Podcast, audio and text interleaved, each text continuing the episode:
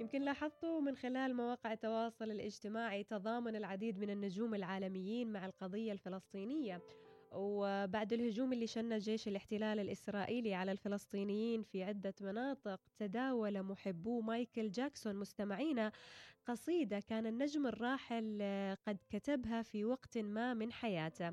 وتتحدث هذه القصيدة عن الآلام اللي كان يعاني منها الفلسطينيون وعن إيمان جاكسون بقضيتهم وتحمل اسم فلسطين لا تبكي. فتقول كلمات هذه القصيدة اللي كتبها مايكل جاكسون ملك البوب الراحل عام 2006 تقول شاهد السهول منذ أيام قديمة قبل قرن من الزمان.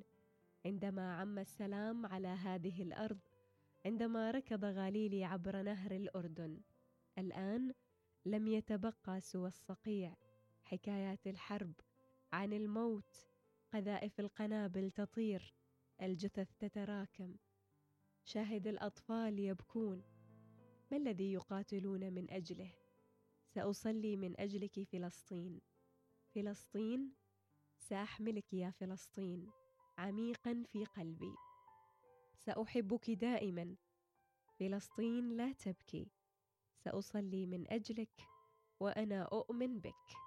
فلسطين؟ سأموت من أجلك.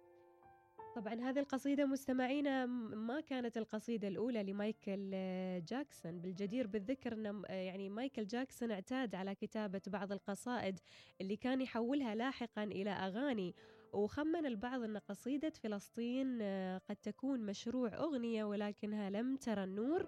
في حين ليس من الواضح متى كتب جاكسون هذه القصيدة تحديدا ألا أنها وجدت مكتوبة بالحبر الأسود على ورقة بخط يده وتشير بعض المصادر إلى أن كتبها على متن الخطوط الجوية البريطانية كونكورد عام 1993